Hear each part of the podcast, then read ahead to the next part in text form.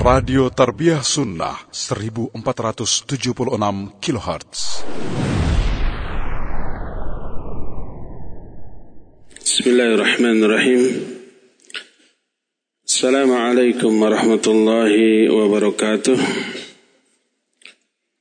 Alhamdulillahilladzi hadana li hadza وما كنا لنهتدي لولا أن هدانا الله وأشهد أن لا إله إلا الله وحده لا شريك له إقرارا به وتوحيدا وأشهد أن محمدا عبده ورسوله صلى الله عليه وعلى آله وأصحابه وسلم تسليما مزيدا. وبعد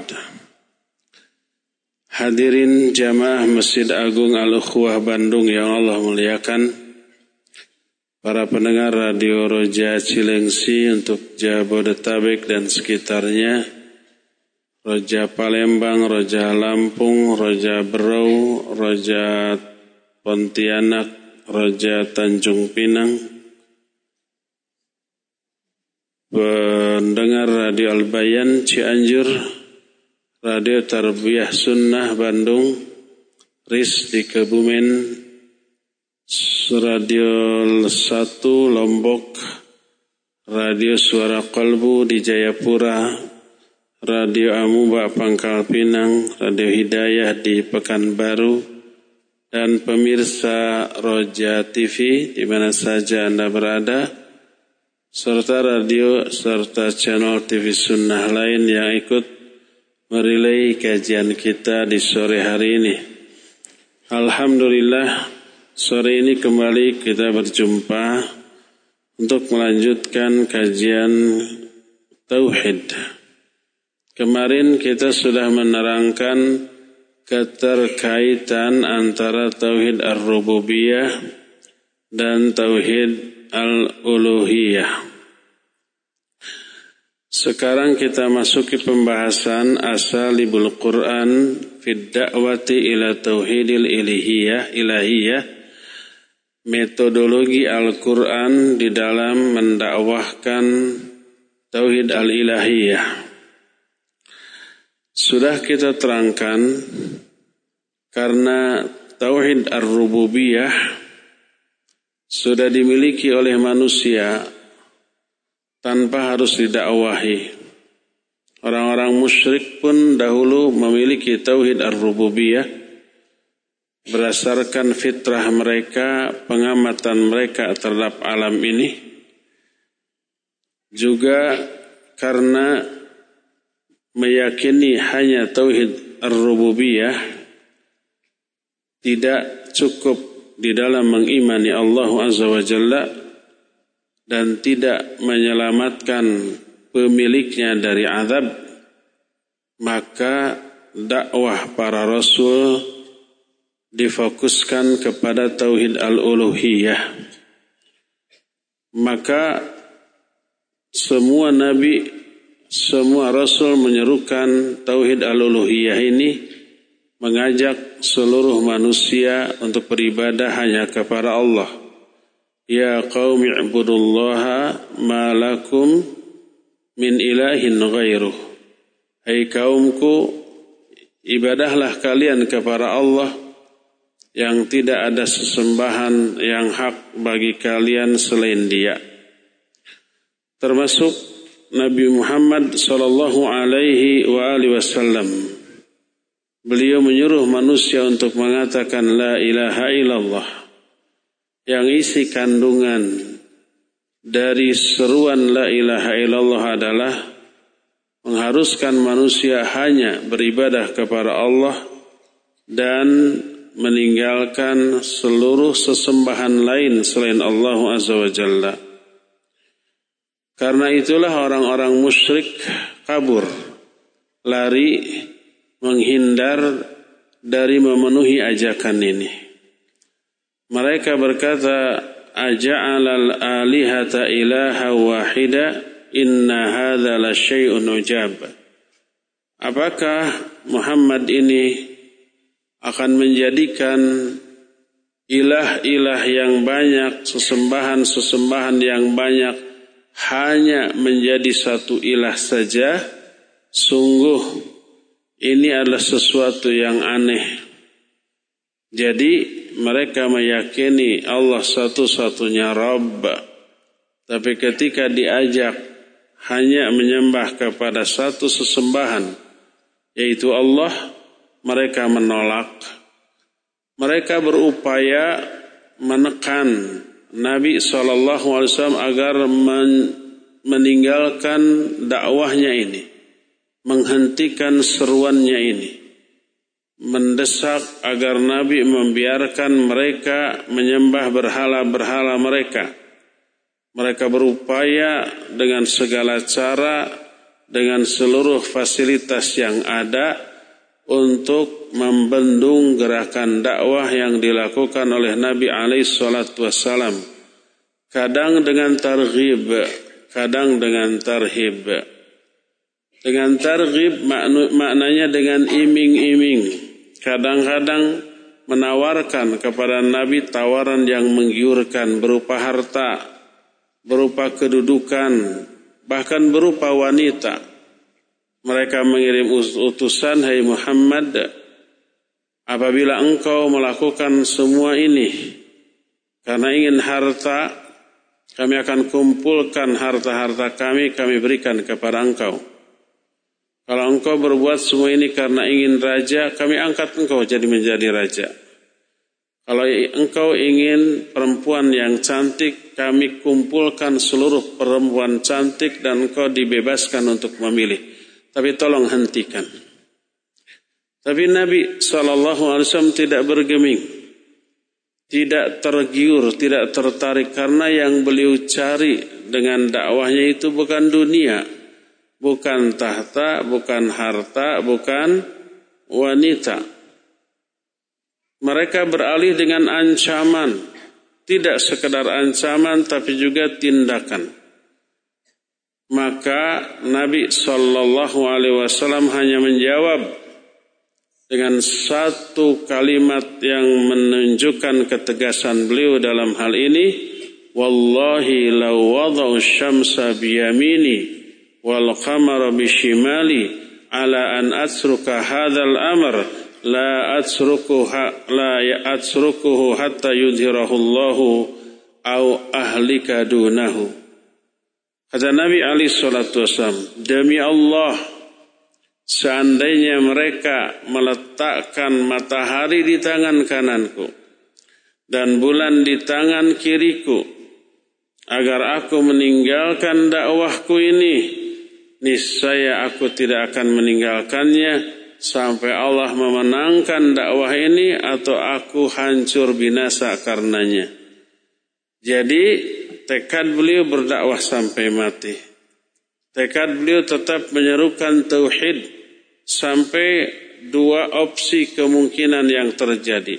Beliau dimenangkan oleh Allah Islam jaya menyebar atau beliau hancur binasa karenanya.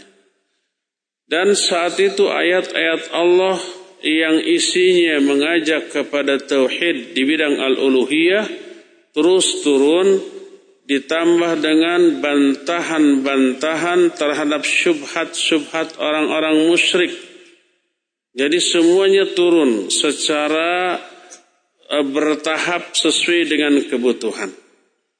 Nah, oleh karena itu ayat-ayat yang berisi ajakan terhadap Tauhid al-uluhiyah banyak bertebaran di dalam Al-Quranul Karim dengan berbagai macam cara mengajak manusia ke dalam dakwah ke dalam Tauhid al-uluhiyah ini.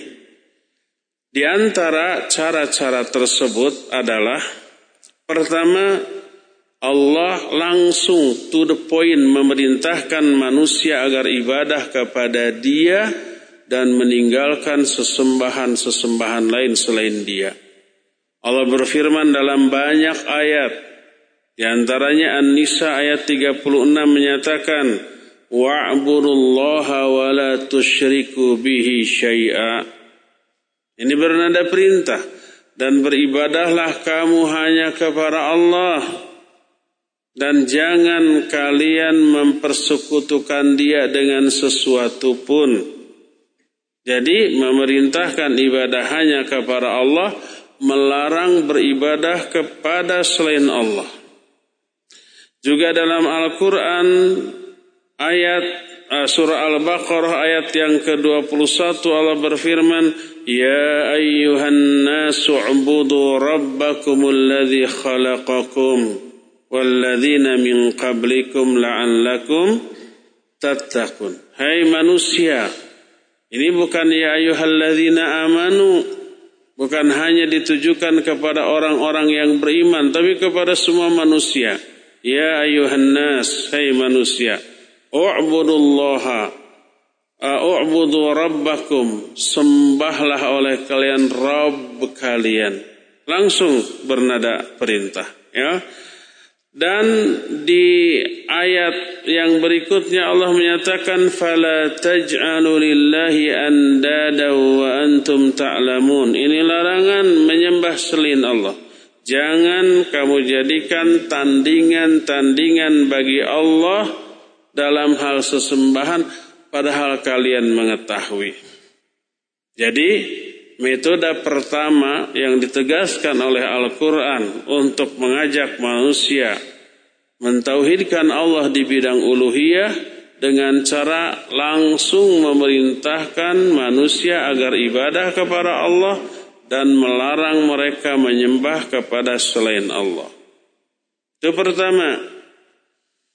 Kedua, Metode kedua, cara kedua dengan cara Allah menginformasikan kepada manusia bahwa tujuan utama diciptakannya jin dan manusia untuk ibadah kepada Allah. Dan ini tauhid al-uluhiyah. Semua lafaz ibadah dalam Al-Quran, kata Ibnu Abbas, itu maknanya tauhid al-uluhiyah Allah berfirman, "Wa ma khalaqatul jinna wal insa illa liya'budun." Tidaklah aku ciptakan jin dan manusia illa liya'budun kecuali untuk beribadah kepadaku maknanya illa ayyuhidun kecuali untuk mentauhidkan aku di bidang ibadah tersebut makna mentauhidkan Allah di bidang ibadah Ibadah itu hanya ditujukan ke Allah saja dan tidak pernah beribadah kepada yang lain-lain. Dan itu tujuan utama manusia dihidupkan di alam dunia. Tujuan pokok, maksud pokok, target pokok diciptakannya jin dan manusia. Karena apa? Karena di dalam kalimat tadi ada pasangan nafi dengan huruf istisna. Nafi itu artinya yang mengandung makna tidak. Istisna itu artinya pengecualian. Wama dan tidaklah ini ma ini disebut huruf nafi. Wama khalaqatul jinna wal insa. Tidaklah aku ciptakan jin dan manusia. Illa, illa ini disebut huruf istisna pengecualian illa liya'budun. Kalau dalam satu kalimat ada pasangan nafi dengan istisna maknanya litakhsis. Maknanya untuk mengkhususkan sehingga makna ayat ini aku menciptakan jin dan manusia khusus untuk ibadah dan tidak untuk yang lain-lain. Dan ibadah yang dimaksud di sini adalah tauhid al-uluhiyah. Ibadah itu hanya ditujukan kepada Allah, menganggap Allah sebagai satu-satunya ilah atau satu-satunya sesembahan. Ayat ini mengisyaratkan, mengingatkan manusia tentang tujuan pokok mereka diciptakan ternyata untuk menegakkan tauhid al-uluhiyah. Ini metode yang kedua. Ketiga, Wa minha ikhbaruhu annahu arsala arsala jami'ar rusul bid-da'wah ila ibadatihi wan nahi an ibadati ma siwa. Ketiga, Cara ketiga Allah mengajak manusia kepada tauhid al-uluhiyah Allah dengan memberitahukan kepada manusia bahwa seluruh rasul diutus untuk mendakwahkan tauhid al-uluhiyah ini. Seluruh rasul diutus untuk mengajak manusia hanya menyembah Allah, melarang mereka menyembah kepada selain Allah. Allah berfirman dalam surah An-Nahl 36 kata Allah wa laqad ba'athna fi kulli ummatin rasulan an i'budullaha wajtanibut taghut. Kata Allah dan sungguh kami telah mengutus seorang rasul kepada setiap umat. Satu umat, satu rasul. Satu umat, satu rasul. Rasul ini menyerukan dengan satu seruan yang sama kepada umatnya Ani'budullah wajtanibut taghut. Ibadahlah kalian hanya kepada Allah dan jauhi seluruh tagut. Tagut itu kullu ma'ubida min dunillah wa huwa radin. Segala yang disembah, yang diibadati selain Allah dan dia ridha disembah. Membiarkan orang lain atau makhluk lain menyembah dirinya itu tagut. Jauhi semua tagut, ibadahlah hanya kepada Allah. Ini adalah inti dari kalimat tauhid la ilaha illallah. Tidak ada sesembahan, tidak ada tagut, tidak ada yang berhak disembah diibadati kecuali hanya Allah Azza wa Jalla. Semua rasul inti dakwahnya adalah tauhid al-uluhiyah walaupun syariatnya berbeda-beda. Tapi Inti dakwahnya adalah mentauhidkan Allah di bidang al-uluhiyah. Kalau tauhid ar-rububiyah tanpa harus didakwahkan pun, tanpa harus diingatkan pun, manusia sudah faham, sudah meyakininya. Tapi tauhid al-uluhiyah ini yang mereka tidak mengaplikasikannya, maka dakwah para rasul fokus kepada tauhid al-uluhiyah ini. Dan itulah kalimat la ilaha illallah ya. Itu ketiga. Keempat, cara keempat, cara Al-Quran untuk mendakwahkan tauhid al-uluhiyah adalah al-istidlal ala tauhidil uluhiyah biinfiradihi birrububiyah wal khalqi wat tadabir. Cara keempat dengan menerapkan dalil keharusan menyembah Allah dengan esaknya dia dalam hal kerububiahan. Mengesahkan Allah dalam hal al-uluhiyah didalili oleh sudah diesakannya Allah dalam hal ar-rububiyah. Ar-rububiyah teh Allah sebagai Rabb, sebagai pencipta, pemelihara, pengatur seluruh alam jagat raya. Itu kan Allah satu-satunya itu, nggak ada yang lain. Kan ada malaikat, eh malaikat mah mereka diberikan kemampuan untuk mengatur ini dan itu oleh Allah dan ditugaskan untuk itu oleh Allah Azza wa Jalla dengan hikmah-hikmah tertentu. Kalaulah mereka tidak diberi kemampuan, mereka akan mampu. Allah yang memberikan kemampuannya kepada mereka. Pada hakikatnya Allah mengurus seluruhnya itu sendirian, menciptakan sendirian, mengaturnya sendirian dan seterusnya. Jadi Allah sudah esa dalam hal kerububiahan.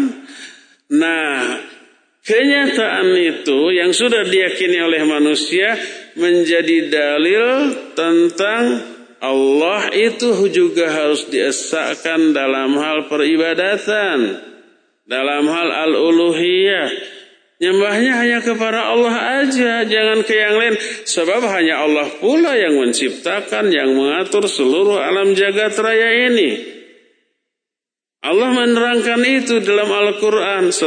Seringkali Allah menyeru, menyuruh, mengajak manusia ibadah kepada Allah dengan dikaitkan dengan Tauhid Ar-Rububiyah. Sebagai contoh, Al-Quran Surah Al-Baqarah ayat ke-21 tadi Allah berfirman, Ya ayyuhan nasu'budu rabbakum. Ini Tauhid Al-Uluhiyah. Hai manusia, beribadahlah kalian kepada Rob kalian. Lalu Allah menerangkan alasan tentang hal itu. Alladhi khalaqakum walladzina min qablikum la'allakum tattaqun. Ini tauhid ar-rububiyah. Kenapa kalian harus beribadah hanya kepada Allah? Sebab Allah yang telah menciptakan kalian dan menciptakan orang-orang sebelum kalian. Jadi menciptakan kalian, menciptakan orang-orang orang-orang sebelum kalian ini tauhid ar-rububiyah. Dan ini dijadikan alasan untuk melakukan tauhid al-uluhiyah. Ibadah kamu kepada Allah, ini tauhid al-uluhiyah. Karena Allah telah menciptakan kalian dan menciptakan orang-orang sebelum kalian. Nah, termasuk juga dalam Quran surah Fusilat ayat 7 ayat 37 di mana manusia banyak bersujud kepada benda-benda besar padahal itu ciptaan Allah. Bersujud kepada matahari bersujud kepada bulan bersujud kepada bintang bersujud kepada gunung dan yang sejenisnya Gunung sih kecil dibandingkan bulan bintang dan matahari. Allah ingatkan yang menciptakan matahari, bintang, bulan itu Allah. Ini tauhid ar-rububiyah. Allah satu-satunya pencipta alam jagat raya termasuk matahari, bulan, bintang. Itu Allah yang ciptakan. Gak ada yang lain. Tidak ada yang membantu Allah ketika menciptakan matahari, bulan, bintang, langit dan dan eh, benda-benda besar lainnya hanya Allah satu-satunya. Itu tauhid ar-rububiyah. Makanya kalau mau jangan beribadah kepada mataharinya, kepada bulannya, tapi beribadahlah kepada Sang Pencipta matahari dan bulan. Allah berfirman dalam Fusilat ayat 37 لا تسجدوا للشمس ولا للقمر واسجدوا لله الذي خلقهن Jangan kalian sujud kepada matahari atau kepada bulan, sujudlah kepada zat yang menciptakan matahari dan bulan tersebut. Sujud kepada Allah itu tauhid al-uluhiyah. Allah sebagai pencipta matahari dan bulan itu tauhid ar-rububiyah. Maka diperintahkannya manusia untuk menyembah Allah dengan kata lain diperintahkannya untuk mengaplikasikan tauhid al-uluhiyah karena alasan tauhid ar-rububiyah. Sujudlah ke Allah karena Allah yang menciptakan matahari dan bulan. Jangan sujud kepada matahari dan bulan. Sujudlah kepada yang menciptakan matahari dan bulan. Sama enggak yang menciptakan dengan yang tidak menciptakan? Tentu saja beda. Allah berfirman, "Afama yakhluqu kama la yakhluq?" Dalam Al-Qur'an surah An-Nahl ayat 17, apakah yang menciptakan itu sama dengan yang tidak menciptakan? Tentu saja beda. Berdasarkan hal itulah maka Allah menyuruh manusia untuk melakukan ibadah hanya kepada Allah dengan kata lain mengamalkan uh, tauhid al-uluhiyah dengan alasan tauhid ar-rububiyah. Ini metode yang keempat yang dilakukan oleh Al-Qur'an. Metode kelima Wa minha al-istidlalu ala wujubi ibadatihi subhanah bi infiradihi bi sifatil kamal wa intifai dzalika an alihatil musyrikin. Cara keempat, eh kelima, cara kelima yang dilakukan oleh Quran untuk mengajak manusia kepada tauhid al-uluhiyah adalah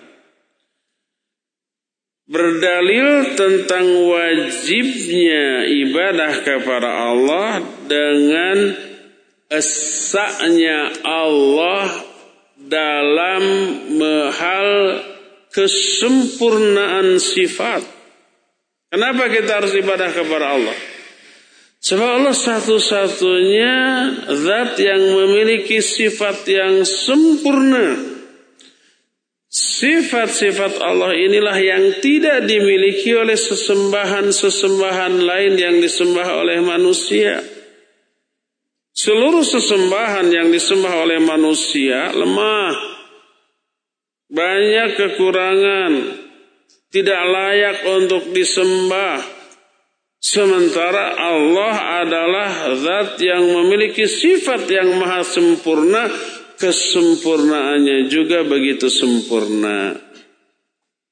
Akal orang mana pun pasti akan memutuskan hanya menyembah yang maha sempurna dibanding menyembah makhluk yang memiliki banyak kekurangan. Allah berfirman dalam surah Maryam ayat 65, "Fa'buduhu wastabir liibadatihi hal ta'lamu lahu sammiya. Kata Allah sembahlah oleh kamu Allah. Allah tidak hanya sekedar menyuruh menyembah kepada dia tapi disusul dengan perintah kedua. Wastabir liibadatihi dan bersabar dalam menyembah Allah. Kalau nggak sabar bisa berhenti di tengah jalan kalau nggak sabar bisa belot. Ini mengisyaratkan beribadah kepada Allah, menyembah Allah itu berat, banyak tantangan, godaan, gangguan, halangan yang bisa menghentikan kita dari ibadah. Maka wajib sabar. Ada nggak orang yang tanya rajin ibadah kemudian berhenti?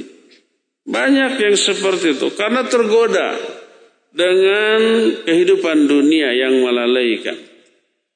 Allah berfirman fa'budhu wastabir ala ibadah wastabir liibadatihi. Beribadahlah kamu kepada Allah dan sabarlah dalam beribadah kepadanya. Hal ta'lamu lahu samiyah. Apakah kamu tahu enggak ada makhluk yang serupa dengan dia dalam hal sifat? Enggak ada. Allah ingatkan Allah mah sifatnya sempurna, makhluk mah seluruhnya kekurangan. Itu Maryam ayat 65. Dalam Al-A'raf 180 Allah berfirman, "Walillahil asmaul husna fad'uhu biha." Allah memiliki al-asmaul husna. Allah tidak mengatakan al-asmaul hasanah karena apa? Karena kalau al-hasanah bentuk jama uh, bentuk muannas dari al-hasan. Al-hasan itu baik. Al-hasan itu bagus. Adapun al-husna adalah bentuk muannas dari al-ahsan. Alasan ini dalam bahasa kita disebutnya superlatif. Yang memiliki makna apa? Ter. Terbesar, terbaik, tertinggi, teragung. Itu kan disebut apa? Superlatif dalam bahasa kita ya. Nah, ahsan terbaik, terbagus. Hasan bagus. Hasan bentuk muannasnya hasana, ahsan bentuk muannasnya husna. Allah di sini tidak mengatakan al asmaul hasana nama-nama yang baiknya, tapi al asmaul husna nama-nama terbaik, nama-nama terbagus. Dan kita sudah jelaskan di dalam setiap nama terkandung sifat Allah. Namanya terbagus, sifatnya juga terbagus juga terbaik juga, terindah juga, tersempurna juga. Walillahil asmaul husna Allah memiliki nama-nama terbaik, terbagus yang di dalamnya mengandung sifat-sifat terbaik dan terbagus yang tidak ada tandingnya. Fad'uhu biha maka silakan kalian menyeru kepada Allah dengan al-asmaul husna tersebut. Ini mengisyaratkan Allah satu-satunya yang memiliki sifat tersempurna nama terbaik yang tidak dimiliki oleh makhluk mana pun. Itu di satu sisi, di satu pihak Allah Azza wa Jalla mengingatkan bahwa sifat Allah itu tersempurna, terbaik, Tak ada tandingannya. Adapun makhluk, apalagi makhluk yang disembah oleh para penyembahnya, itu rata-rata lebih hina daripada para penyembahnya sendiri. Apa sih yang mereka sembah? Patung. Apa sih yang mereka sembah? Pohon. Apalagi yang mereka sembah? Kuburan, orang yang sudah mati dan yang sejenisnya tidak memberi manfaat, tidak bisa memberi madarat, tidak mendengar, tidak melihat. Dan Allah ingatkan itu. Allah berfirman dalam Al-Quran surah Maryam ayat 4 ayat 42 tentang Ibrahim. Ketika berdialog dengan bapaknya, Ibrahim ya ahli tauhid, bapaknya tukang membuat apa? Patung yang disembah. Apa kata Ibrahim? Perkataan Ibrahim ini oleh Allah diabadikan dalam Al-Quran surah Maryam ayat 42. Ya abati lima ta'budu ma la yasma'u wa la yubsiru wa la yugni anka syai'a. Hai ayahku, kenapa engkau beribadah kepada sesuatu yang tidak bisa mendengar, tidak bisa melihat, dan tidak bisa memberi manfaat sedikit pun kepada engkau? Jadi diingatkan tentang aibnya sesembahan mereka. Kenapa engkau menyembah sesuatu yang tidak mendengar, tidak melihat, tidak bisa memberi manfaat? Ya. Lalu dalam surah Fatir ayat 14 dikatakan in tad'uhum la yasma'u du'akum kalau kamu berdoa kepada patung-patung itu, mereka tidak bisa mendengar doa kamu. Walaupun kita beri, berteriak di dekat telinga si patung tersebut, mereka nggak dengar isi doa kita. Kalau nggak dengar apalagi mengijabah atau memenuhi isi dari doa kita sama sekali tidak mungkin sehebat-hebat sesembahan orang-orang musyrik paling bisa mengeluarkan suara. Itu pun dengan bantuan setan dari kalangan bangsa jin. Seperti sapi patung dari emas yang dibuat di zaman Nabi Musa. Siapa yang membuatnya teh? Samiri. Itu bisa mengeluarkan suara. Sebatas itu, tapi tidak bisa lebih dari itu. Allah Azza wa Jalla menerangkan hal ini dalam Al-Quran dalam surah Al-Araf 148 wattakhadha qaumu Musa min ba'dihi min hullihim ijla jasadan lahu khuwar. Alam yarau annahu la yukallimuhum wa la yahdihim sabila. Kata Allah Kaum Musa sepeninggal Nabi Musa mengambil perhiasan mereka lalu dibuat patung anak sapi yang berjasad. Lahu khuar. Anak sapi patung anak sapi dari emas itu punya khuar. Punya suara. Khuar itu suara yang dikeluarkan oleh sapi. Kalau kambing mengembe kalau harimau mengaum gitu ya anjing menggonggong kucing mengeong kalau sapi mengkhuar. Kalau sapi suaranya bahasa kita apa? Oe apa? Bahasa Arabnya disebut khuar. Lahu khuar. Dia bisa mengeluarkan suara. Hanya itu. Lalu Allah menyatakan, Alam yarau annahu la yukallimuhum wa la yahdihim sabila. Tidakkah mereka melihat bahwa sapi ini nggak bisa bicara kepada mereka dan tidak bisa menunjuki mereka ke jalan yang benar. Suara itu pun dari iblis laknatullahi alaih ya. Jadi diingatkan tentang aib, kelemahan, kekurangan dari yang mereka sembah. Sementara Allah maha sempurna. Sifat-sifatnya namanya terbaik, sifatnya tersempurna. Kesempurnaan dari sifatnya pun begitu sempurna.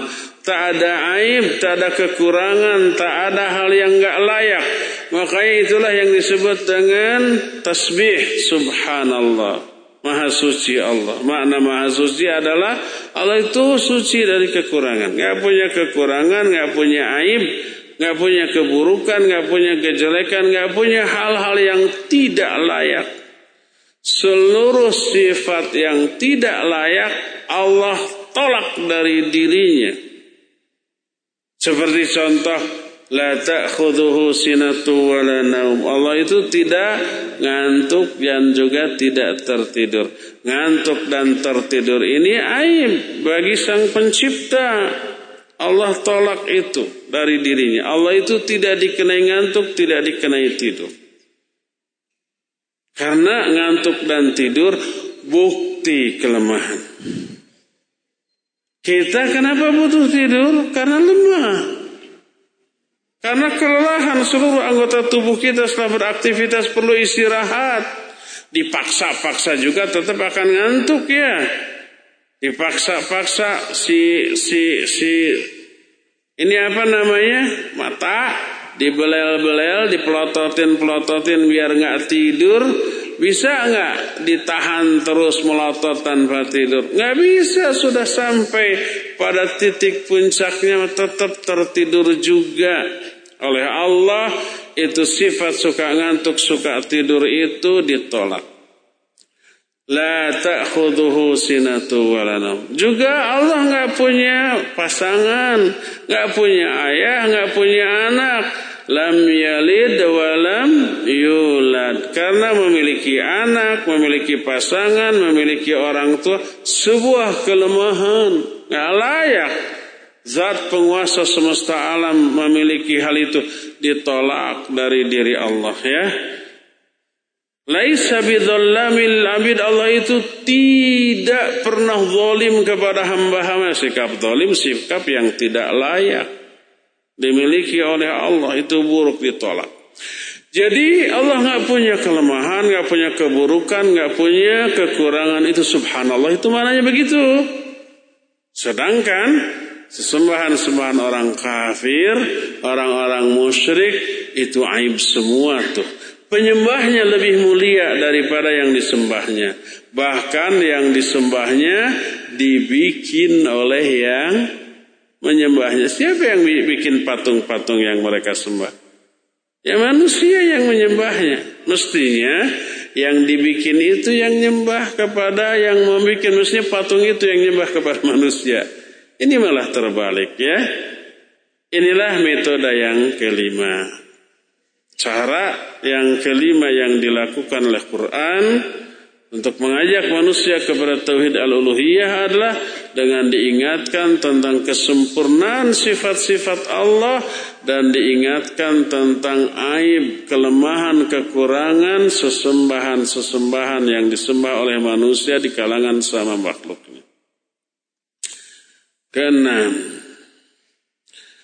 takjizuhu li alihatil musyrikin. Ini secara spesifik ya Allah melemahkan ilah-ilah sesembahan-sesembahan orang-orang musyrik. Oleh Allah diingatkan yang disembah oleh orang musyrik itu nggak bisa apa-apa. Lemah, hina, nggak berarti, nggak bernilai. Kok sesuatu yang lemah, yang hina, yang nggak berarti, nggak bernilai kok disembah, dimuliakan, diagung-agung. Yang nyembahnya itu yang lebih agung, lebih mulia daripada yang disembahnya. Allah berfirman dalam banyak ayat di antara Al-A'raf 191 sampai 192. La yakhluqu syai'an wa hum yukhlaqun wa la yastati'una lahum nasran wala anfusahum yansurun. Kata Allah, kenapa mereka menyekutukan Allah dengan sesuatu yang tidak bisa menciptakan apa pun bahkan mereka diciptakan. Patung-patung yang mereka sembah itu mereka diciptakan dan nggak bisa menciptakan apa pun. Wala yastati'una lahum nasra anfusahum yansurun. Mereka itu tidak mampu memberikan pertolongan bagi para penyembahnya, bahkan nggak bisa menolong dirinya sendiri. Coba si patung itu, yang gede, yang kuat, kita getok kepalanya. Dia balas enggak? Enggak, enggak membalas ya. Kita tempeleng pipinya tuh, kita tonjok perutnya tuh, nangkis enggak? Enggak ya. Tapi kan kita tonjok, kitanya yang sakit. Oke okay lah, ambil kampak. Penggal itu lehernya. Copot enggak tuh kepalanya? Copot kepalanya. Apakah dia bisa menghindar pas kita kadek dia menghindar gitu? Enggak, copot aja kepalanya. Ya, untuk menolong diri sendiri aja nggak mampu, apalagi menolong orang lain. Bahkan dalam Al-Isra ayat 56 Allah berfirman, za'amtum min dunihi fala yamlikuna ankum tahwila. Katakan oleh Muhammad, Panggil tuh berhala-berhala yang kalian sembah selain Allah. Maka mereka tidak memiliki kemampuan untuk melepaskan kesulitan dari diri kalian atau memindahkan kesulitan itu kepada yang lain. Kalau kamu diberi timba kesulitan ekonomi atau penyakit gitu ya, bisa nggak sesembahan mereka menyembuhkan? Tentu saja tidak bisa ya. Dan banyak lagi ayat-ayat yang lain bahkan Allah Azza wa memberikan gambaran yang real tentang amat sangat super lemahnya dan tak berdayanya patung sesembahan yang mereka sembah. Dalam Al-Hajj ayat 73 Allah berfirman, Ya ayyuhan nas, duriba mathalun fastami'u lah إن الذين تدعون من دون الله لن يخلقوا ذبابا ولو اجتمعوا له وإن يسلبهم الذباب الشيء لا يستنقذوه منه ضعف الطالب والمطلوب Hai manusia telah diberikan kepada kalian atau bagi kalian gambaran permisalan coba perhatikan Sesungguhnya berhala-berhala yang kalian sembah selain Allah. Mereka itu tidak bisa menciptakan walaupun seekor lalat, walaupun mereka berkumpul berserikat untuk itu. Menciptakan seekor lalat aja nggak mampu. Bahkan seandainya ada seekor lalat yang mengambil sesuatu dari mereka, mereka tidak bisa menolaknya. Coba umpamanya ada patung yang mereka sembah sedang menadahkan tangannya. Kita simpan kue di sana, di tangannya. Datang lalat, ngeong ngeong ngeong ngeong, tep. Entrep, apa entrep teh? Mencelok di tangannya di kuehnya. Si lalat itu merebut kue yang ada di tangan si si patung itu tuh direbut ya. Kemudian diambil geleber hiber terbang mengambil kue itu. Itu si patung bisa mempertahankan apa yang ada di dalam tangannya yang menjadi miliknya. Enggak sedikit pun ya. Jangankan mempertahankan itu nguteken jarinya aja tidak mampu. nguteken tadi uteken gitu. Tadi apa namanya?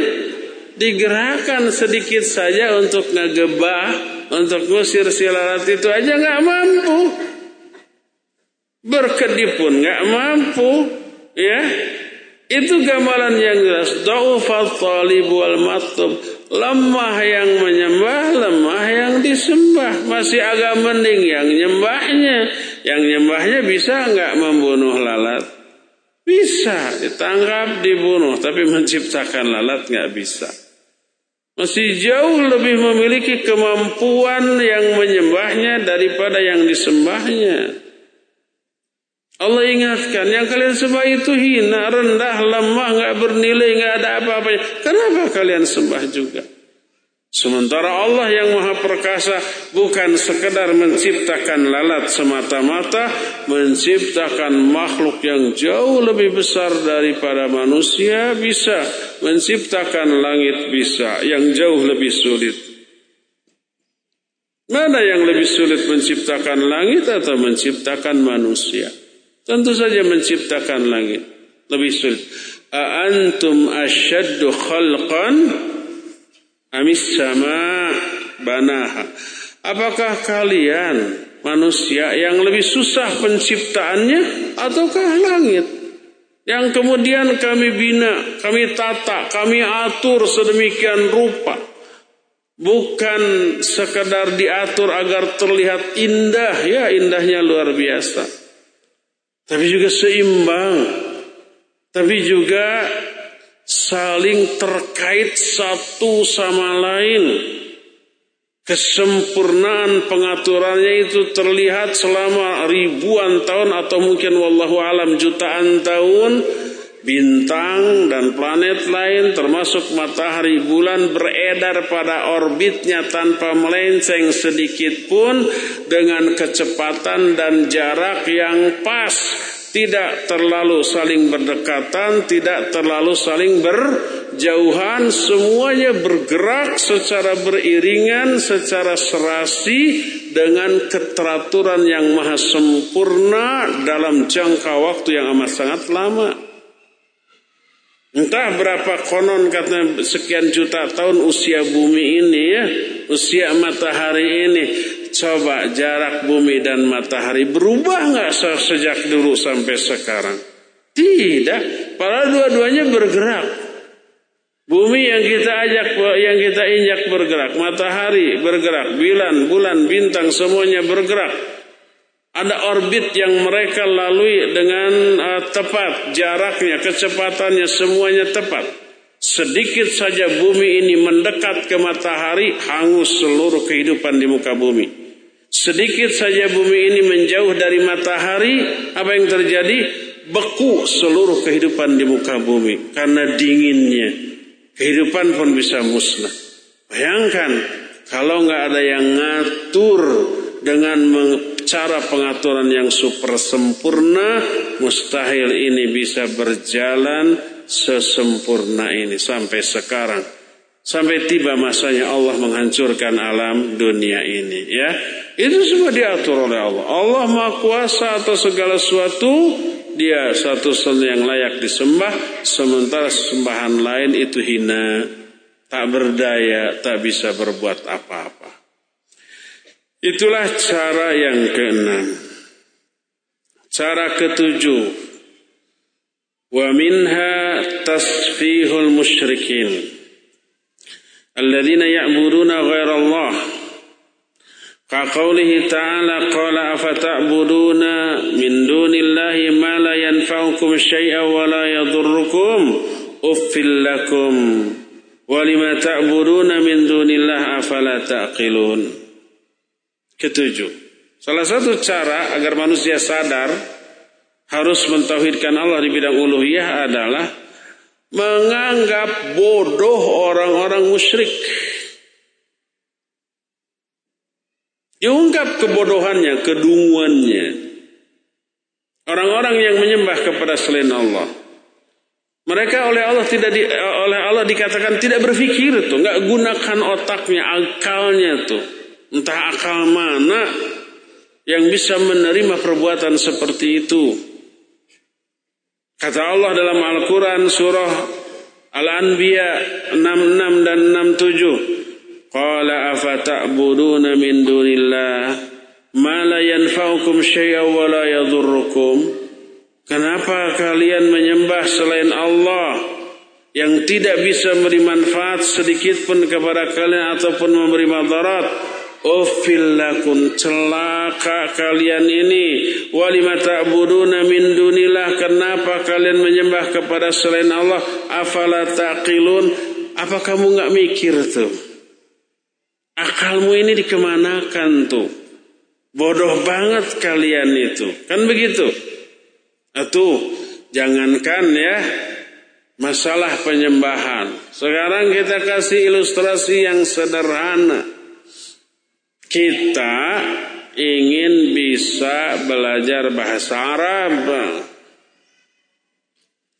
Tapi guru kita jangankan bisa belajar bisa bahasa Arab, baca Al-Quran aja nggak bisa, huruf hijaiyah aja nggak ngerti.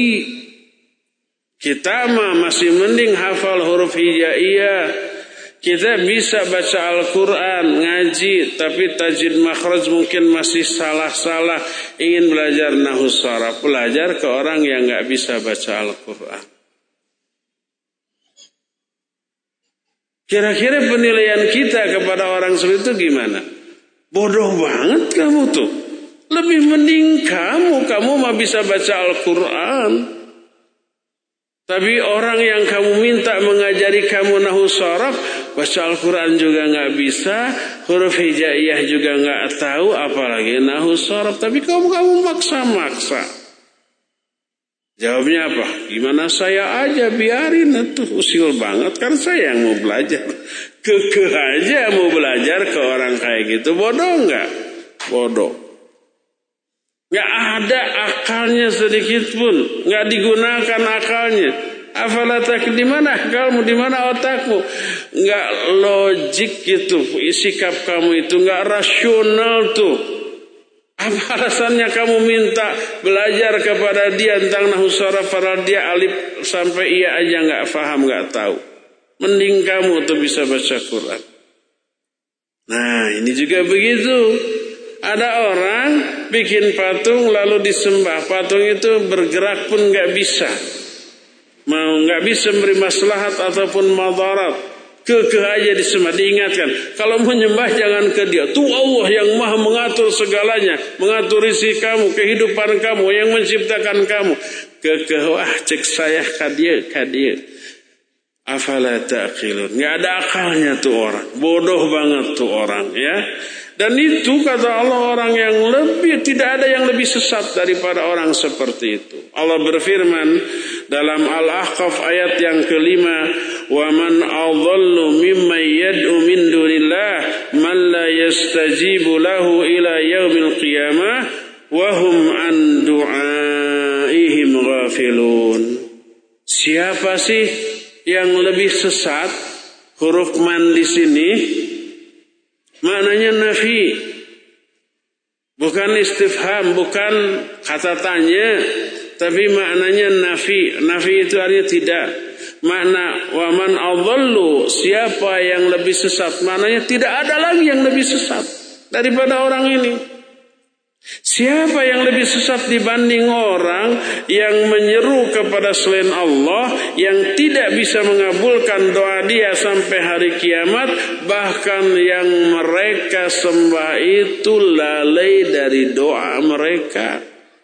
Jangankan mendengar berkedip juga nggak bisa bergerak juga nggak bisa uyak oge hente tiasa. Uyak itu ya sedikit bergeraknya gitu ya Nggak bisa. Kok ini dimintai doa oleh orang-orang yang lebih mampu daripada orang-orang yang disembahnya. Otaknya itu nggak dipakai. Dibongkar kebodohan orang-orang musyrik dari aspek rasio, dari aspek akal, dari aspek pemikiran. Nggak masuk akal, nggak rasional, nggak logis. Pikiran siapa sih yang membenarkan perbuatan seperti itu? Inilah metode yang ketujuh. Cara Al-Quran menyadarkan manusia untuk memiliki tauhid al-uluhiyah dengan cara menganggap bodoh perbuatan orang-orang musyrik. Dan memang bodoh. Gak punya akal mereka ya. Kedelapan. Nah, ini baru nih bernada ancaman. Salah satu metode Al-Quran agar manusia mentauhidkan Allah di bidang al-uluhiyah adalah bayanu aqibatil musyrikin alladzina ya'buduna Allah alladzina ya'buduna ghair Allah wa bayanu malihim man abaduhum haitsu tatabarra'u minhum tilkal ma'budat fi ahrajil mawaqif Cara yang Allah tempuh yang diterangkan oleh Al-Quran adalah dengan menjelaskan akibat buruk yang akan diterima oleh orang-orang musyrik yang menyembah kepada selain Allah. Mereka akan dimasukkan dalam azab beserta sesembahan-sesembahannya. Nanti para penyembahnya itu eh, orang eh, berhala-berhala yang disembahnya itu menyatakan berlepas diri dari perbuatan kalian dan ini terjadi pada momen yang paling menyakitkan. Ini kalau yang disembah itu makhluk hidup. Kalau patung, pohon kayak gitu makhluk mati. Ada yang menyembah makhluk hidup seperti menyembah malaikat ada, menyembah manusia para nabi ada, ada yang menyembah Nabi Isa. Ada yang menyembah Uzair. Siapa yang menyembah Nabi Isa? Orang-orang Nasrani yang menyembah Uzair Yahudi. Ada nggak yang menyembah Nabi Muhammad Sallallahu Alaihi Wasallam? Ada yang sujud kepada kuburannya juga. Sebagian uh, saudara-saudara kita karena ketidakfahamannya, karena ketidaktahuan atau karena kesalahfahaman. Ada nggak yang menyembah orang yang nyata-nyata durhaka? Iya jelas nyembah Fir'aun ya, Raja Namrud. Kalau sekarang uh, Basar Asar yang di Suriah itu kan orang-orang sujud juga ya kepada foto dia ya. Nah, nanti orang-orang yang disembahnya itu berlepas diri. Allah berfirman dalam Al-Quran dalam surah Al-Baqarah 165 sampai 167 kata Allah walau yaral ladzina zalamu id yarawna al-'adzab anna al-quwwata lillahi jami'a wa anna Allah syadidul iqab إذ تبرأ الذين اتبعوا من الذين اتبعوا ورعوا العذاب وتقطعت بهم الأسباب. وقال الذين اتبعوا لو أن لنا كرة فنتبرأ منهم كما تبرأوا منا.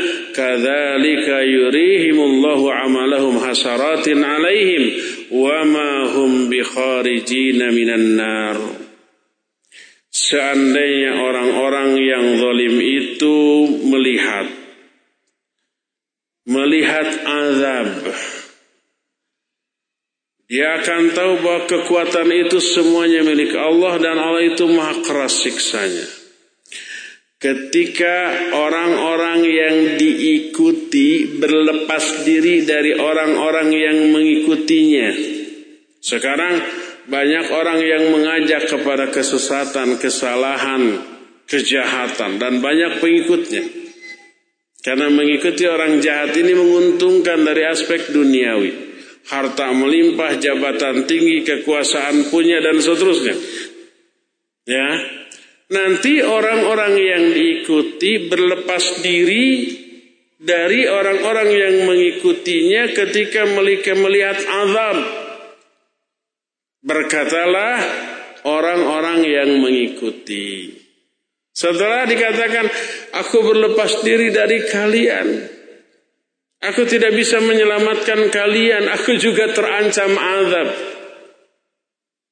Maka orang-orang yang mengikutinya berkata, seandainya kita punya kesempatan hidup sekali lagi di dunia, kita akan berlepas diri dari orang ini sebagaimana orang ini berlepas diri dari kita sekarang ini. Tapi berandai-andai yang kosong, mungkin nggak hidup lagi ke alam dunia? Enggak, enggak mungkin. Tinggal perhitungan atas amal ketika di dunia. Menyesalnya nggak ketulungan.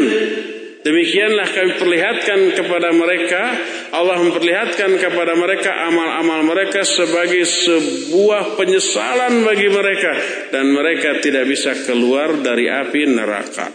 Ya. Nah, yang seperti ini banyak bertebaran di dalam Al-Qur'an untuk menyadarkan manusia yang masih hidup kelak ya, sesembahan-sembahan yang disembah ketika di dunia termasuk pemimpin-pemimpin zalim yang mengajak kepada kejahatan di akhirat nanti itu akan berlepas diri dari para pengikutnya.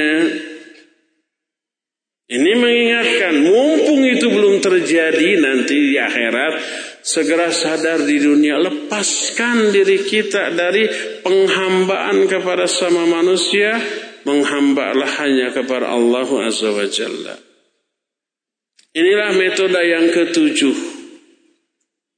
Eh yang ke-8, cara Al-Quran mengajak menyuruh manusia kepada tauhid al-uluhiyah dan cara-cara yang lainnya kita akan bahas di hari Jumat yang berikutnya. Untuk sekarang waktunya sudah habis untuk menerangkan. Kita tinggal tersisa waktu beberapa menit untuk tanya jawab. Kepada akhi Fawas dipersilakan untuk memandu tanya jawab dengan pendengar dan pemirsa. Wassallallahu ala nabiyina Muhammadin wa ala. Silakan Fawas.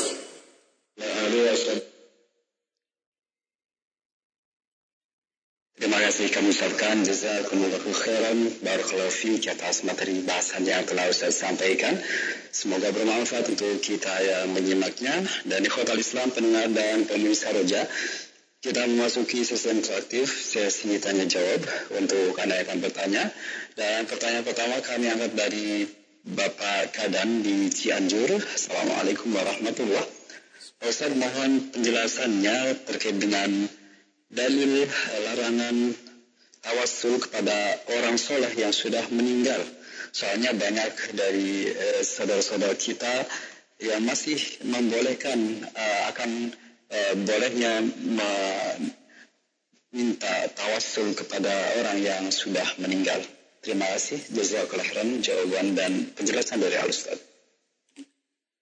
Iya, barakallahu fikum uh, Bapak siapa Kadam di Cianjur mungkin melalui radio Al Bayan di Cianjur ya. Pertanyaannya minta dalil tentang tidak bolehnya bertawasul kepada orang yang soleh, yang sudah meninggal. Dalil utamanya adalah karena itulah perbuatan orang-orang musyrik zaman dahulu. Mereka itu beribadah kepada berhala dengan niat tawasul kepada orang soleh. Patung yang mereka sembah, Lata, Uzza, Manat, Hubal, dan yang lain-lain, dahulunya adalah orang-orang soleh ketika mereka masih hidup. Lalu mati, orang-orang pun bersedih. Setiap kali ingat jasanya mereka termotivasi untuk beribadah. Akhirnya muncul inisiatif. Inisiatif untuk membuat patung. Lalu akhirnya disembah dengan niat menjadikan orang soleh yang sudah meninggal yang patungnya di sini sebagai wasilah dalam beribadah kepada Allah Jalla. Allah berfirman di dalam Al-Quran di antaranya dalam Quran surah Yunus ayat 18 ya'buduna min dunillah ma la yadurruhum wa la yanfa'uhum wa yaquluna haula'i syufa'auna indallah mereka beribadah kepada selain Allah yang tidak bisa memberi madarat ataupun manfaat Mananya kepada kuburan-kuburan orang-orang soleh. Lalu mereka berkata, orang-orang soleh ini adalah pemberi syafaat bagi kami di sisi Allah subhanahu wa ta'ala. Juga dalam surah Az-Zumar ayat 3 dikatakan, "Ala lillahi dinul khalis."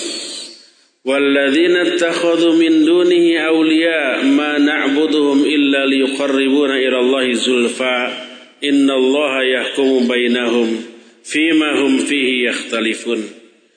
Ingatlah milik Allah lah agama yang murni ini dan orang-orang yang menjadikan wali-wali selain Allah.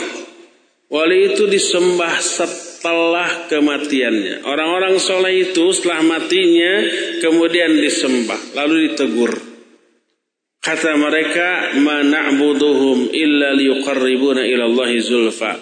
Kami tidak beribadah kepada orang-orang soleh yang sudah mati ini, tapi mereka jadi wasilah untuk mendekatkan diri kami kepada Allah sedekat-dekatnya. Jadi Alasan bahwa orang soleh yang sudah mati itu hanya sebagai wasilah itu alasan yang juga dipegang oleh orang-orang musyrik zaman dahulu. Apakah Lata dan Uzza itu dulunya orang jahat? Bukan, mereka orang-orang soleh, orang-orang baik, orang-orang ahli ibadah, orang-orang yang dianggap dekat dengan Allah. Kemudian orang-orang musyrik menjadikan uh, apa lata uzza tersebut sebagai wasilah untuk beribadah dan berdoa kepada Allah Azza wa Jalla. Ya. Jadi tasyabahat qulubuhum kata Allah. Hati mereka pemikiran mereka pemahaman mereka alasan mereka sama walaupun hidup di zaman dan tempat yang berbeda Ayat-ayat tadi menjadi dalil yang jelas dan nyata tentang terlarangnya hal itu karena mereka terkena ancaman seperti ancaman yang Allah berikan kepada orang-orang musyrik di zaman dahulu. Ini yang pertama.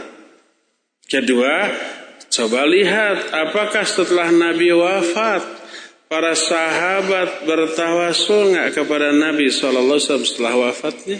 Sama sekali tidak, ya. Berdasarkan hal itulah maka tawasul kepada orang yang sudah mati, sesoleh apa pun mat, e, orang tersebut, maka terlarang karena ini pada hakikatnya adalah beribadah kepada orang yang sudah mati tersebut. Wallahu a'lam bishawab. Silakan lagi Fawas. Terima kasih Ustaz. Jazakallah khairan barakallahu atas jawaban yang disampaikan. Demikian pendengar kita di Cianjur. Semoga bermanfaat. Kemudian untuk selanjutnya kami eh, angkat pertanyaan dari eh, pendengar kita.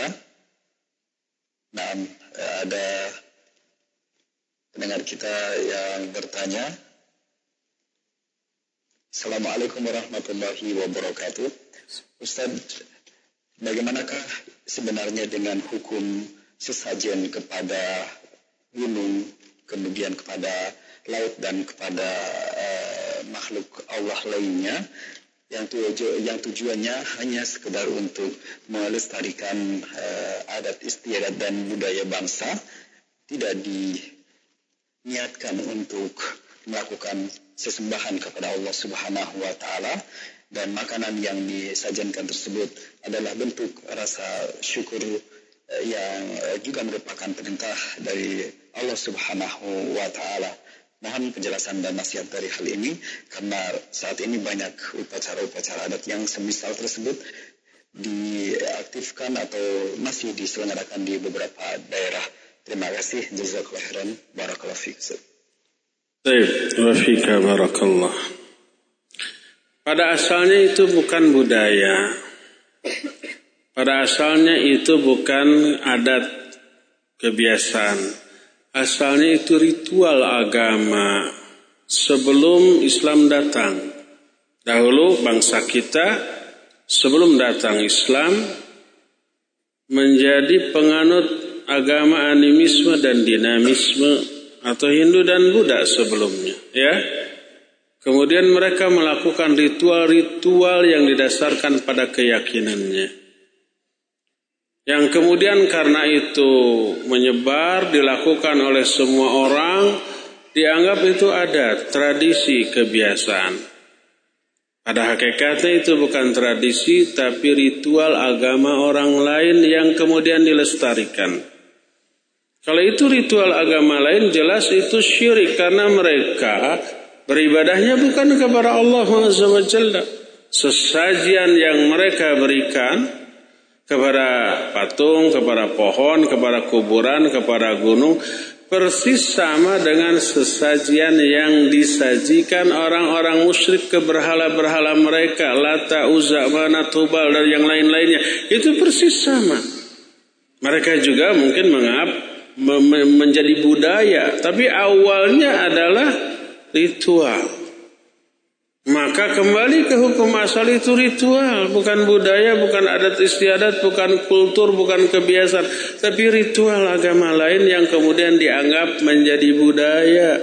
Maka anggapan orang bahwa itu budaya tidak mengubah hukum bahwa itu perbuatan syirik. Kepada siapa mereka menyuguhkan makanan itu? Kepada ruh yang sudah mati, kepada makhluk gaib yang menghuni di sana, kepada makhluk gaib yang dianggap menguasai gunung itu, lalu disajikan sesajian ke, ke gunung itu. Kan itu tuh pemikiran dasarnya, dan itu syirik. Persis sama dengan apa yang dilakukan orang musyrik di Makkah sebelum Islam datang. Nah, maka walaupun itu sekarang dianggap budaya, haram untuk kita lakukan karena di dalamnya banyak keyakinan-keyakinan yang berbuat syirik. Itu pertama. Kedua, bagaimana kalau dengan niat syukuran? Pertama, al-ghayah la tubarirul wasilah. Tujuan atau niat tidak menghalalkan segala cara. Kalau tujuannya syukur, Cara syukurnya harus benar. Cara syukurnya harus sesuai dengan yang Allah inginkan. Kalau kita ingin bersyukur kepada Allah, maka cara bersyukurnya juga harus sesuai dengan syariat Allah, bukan dengan cara yang dilarang oleh Allah. Bagaimana cara syukur kepada Allah? Kalau memang mau memberi, berilah anak yatim, berilah orang-orang fakir miskin, berilah saudara-saudara kita yang sekarang terkena uh, bencana gempa, tsunami dan yang lainnya. Beri itu mereka yang membutuhkan, bukan ke gunung, bukan ke kuburan, bukan ke pohon, bukan ke apa. Itu mubazir. Apakah termakan? Apakah jinnya memakan makanan itu? Eh, tidak. Bisa nggak kita ambil? Bisa kita ambil, kita makan. Nah gitu. Menunjukkan ketika umpama ini disuguhkan untuk jin yang ada di sana. Atau untuk orang soleh yang sudah mati.